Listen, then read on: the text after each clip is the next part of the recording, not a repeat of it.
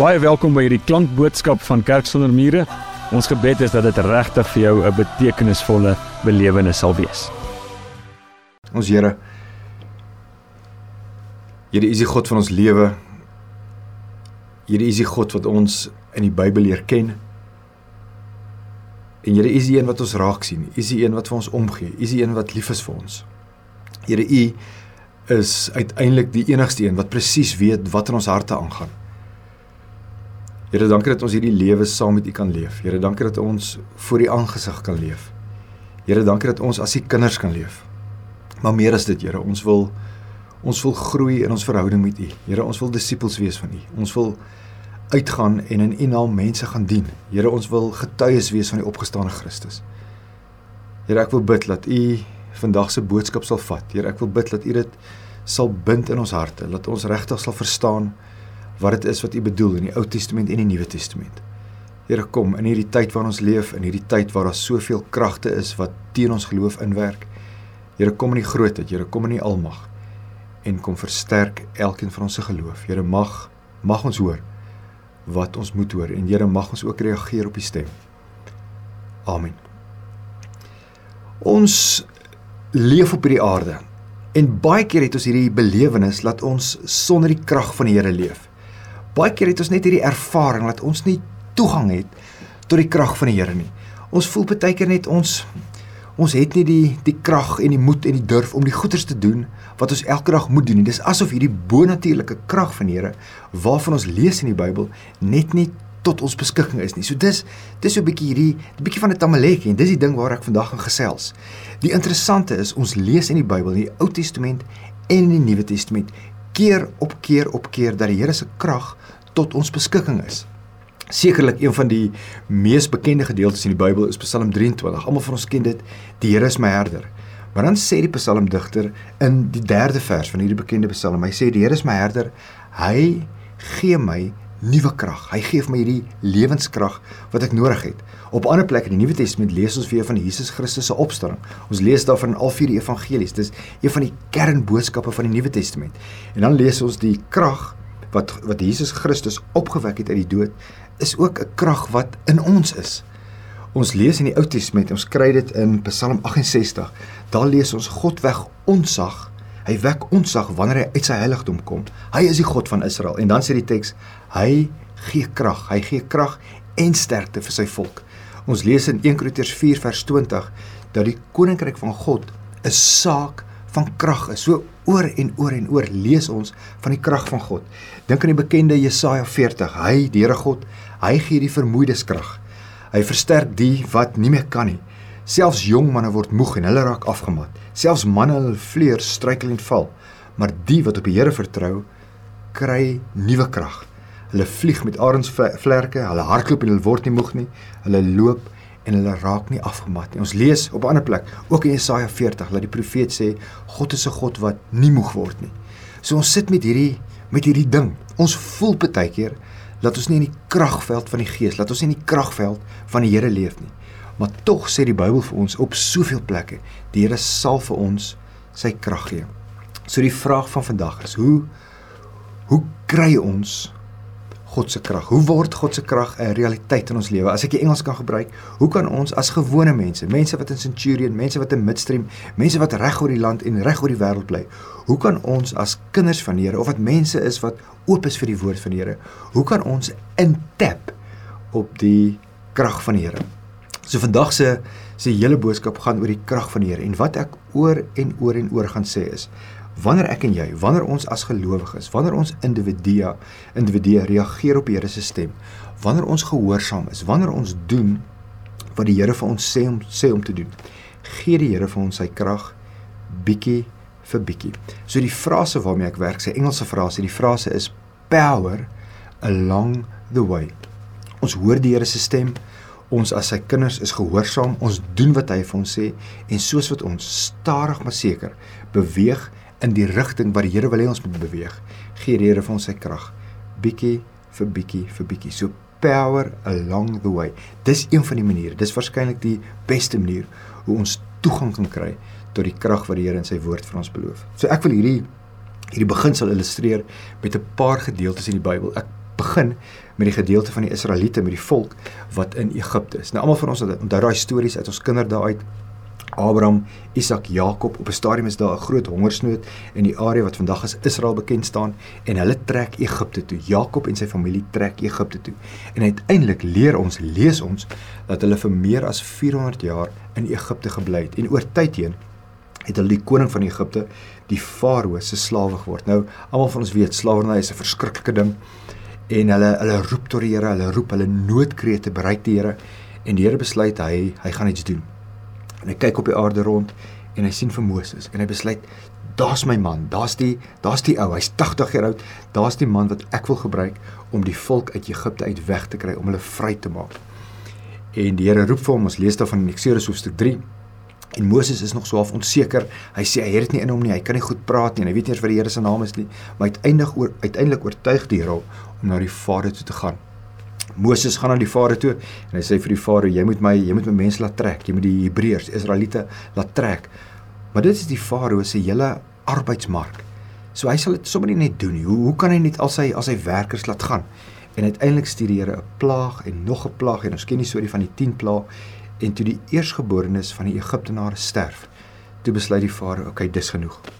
En hy laat God se mense trek. Ons lees daarvan daar's 'n steen daar's 'n groot klip in die Kaïro museum ons noem dit die Meneptah steen op daai steen is daar 'n inskrywing wat sê die farao het die Israeliete uit die land uit Egipte uit weggejaag.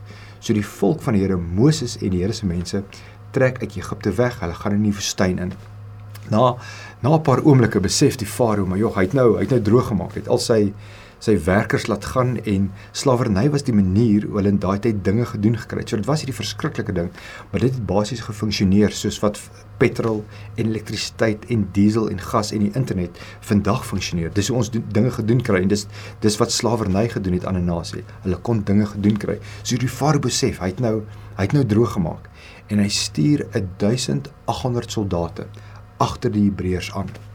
So die Israeliete is besig om die woestyn in te trek weg van Egipte af en agter hulle kom die soldate aan.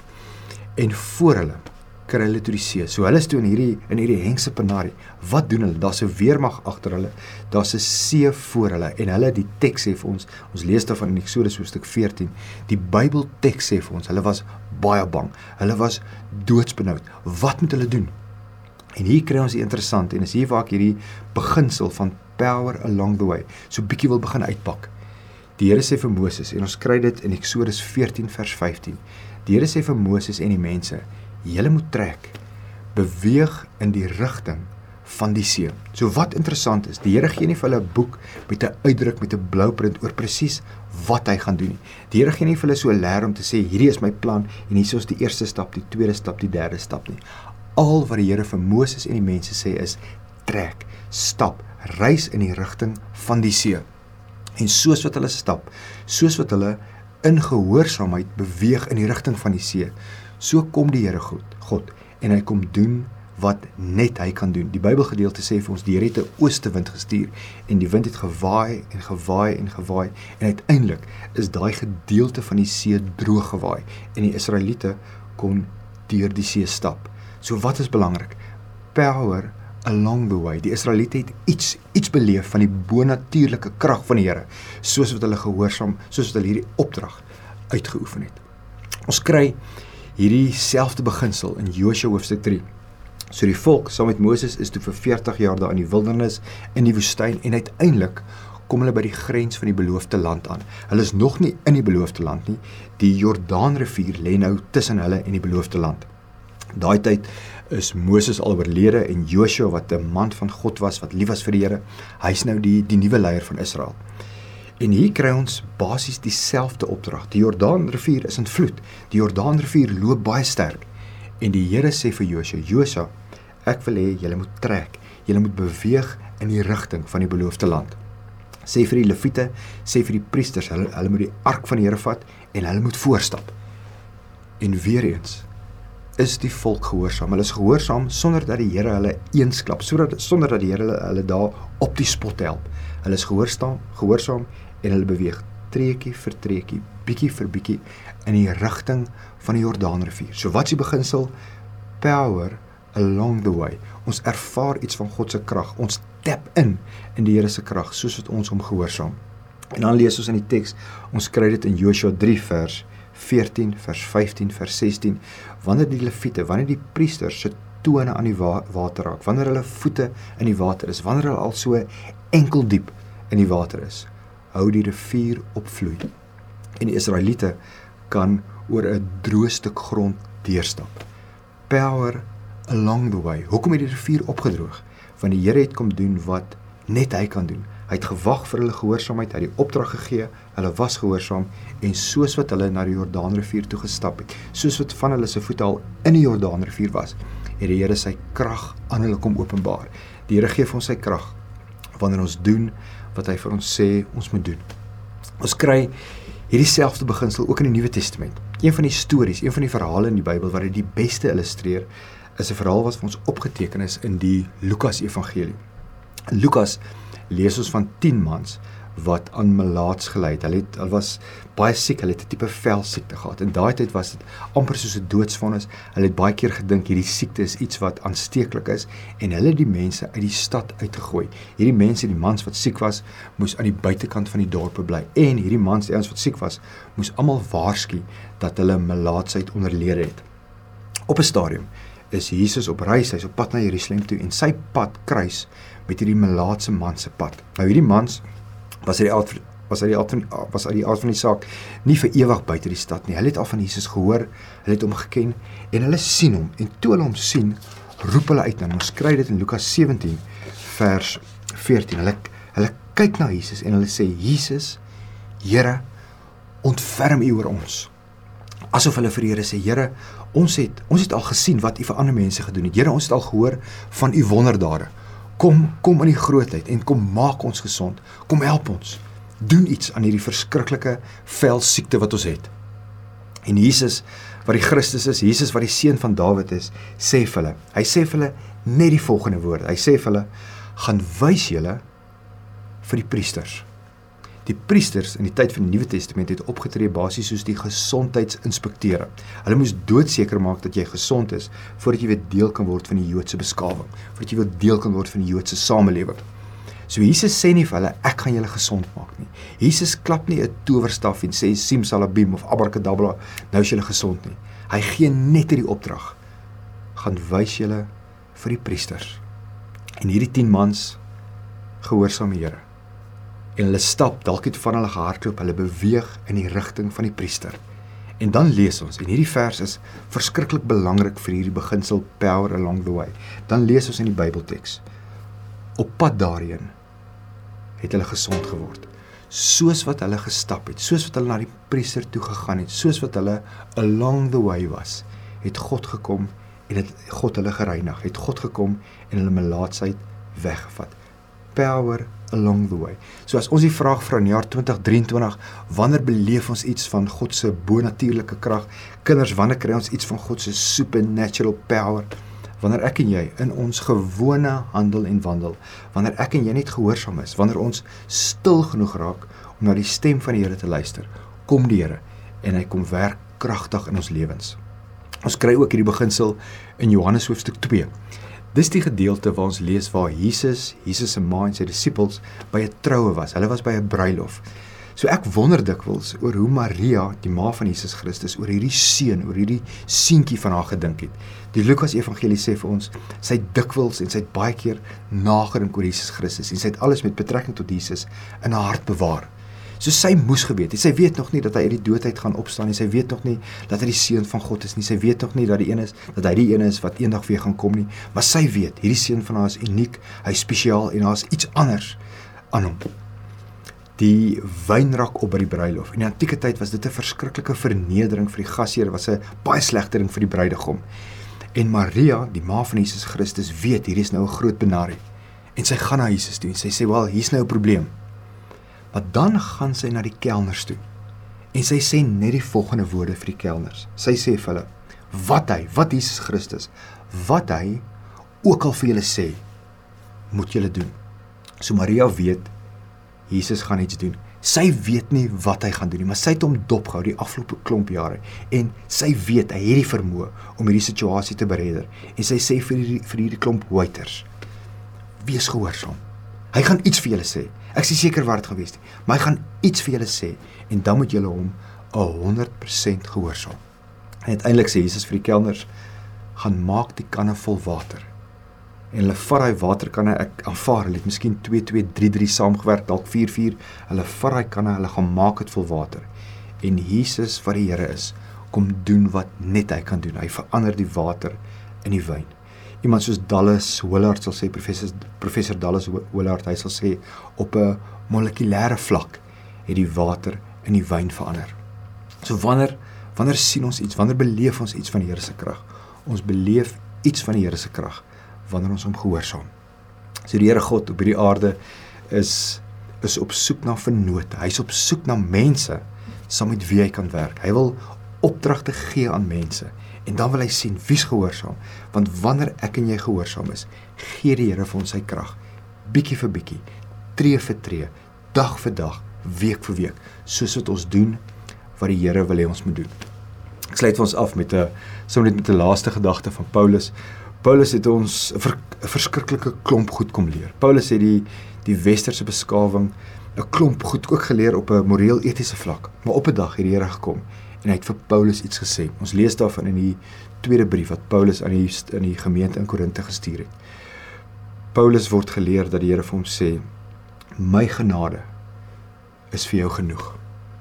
Paulus, my genade is vir jou genoeg. Ek dink aan die volk Israel. Ek dink toe hulle daar voor die see gestaan het met die soldate wat agter hulle is.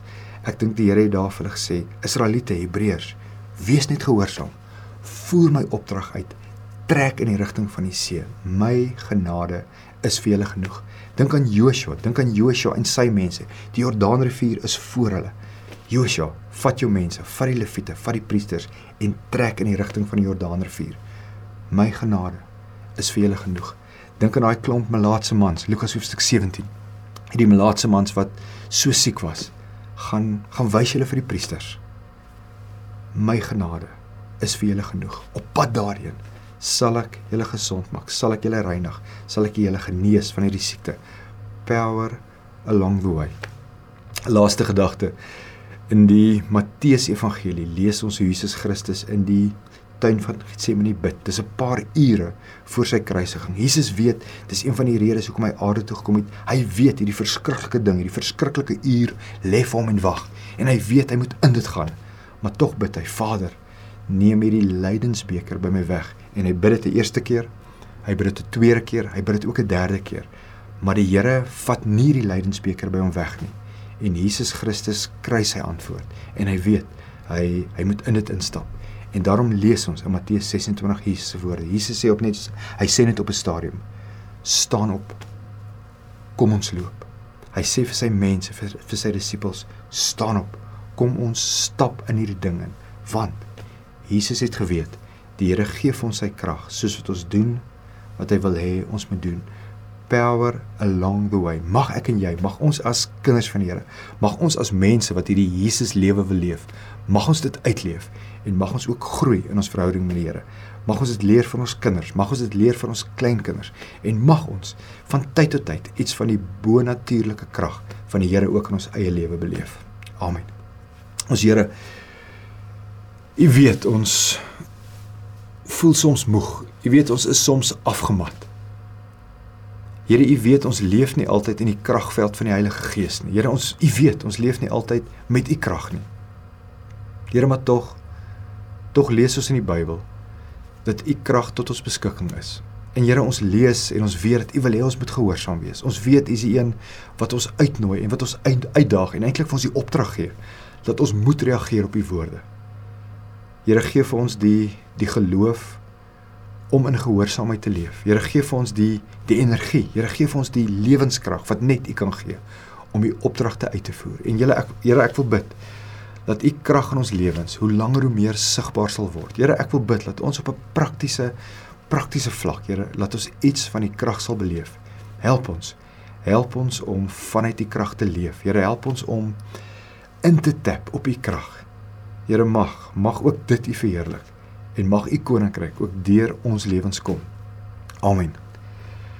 Indien hierdie boodskap vir jou iets beteken het, dan wil ek vir jou vra, deel dit asseblief met iemand wat jy ken. En moet asseblief nie vergeet nie, ons sal jou bitter graag wil verwelkom by ons in-persoon eredienste op Sondag. Vir meer inligting oor Kerk sonder mure, is jy baie welkom om ons webtuiste te gaan besoek of ons op sosiale media te volg.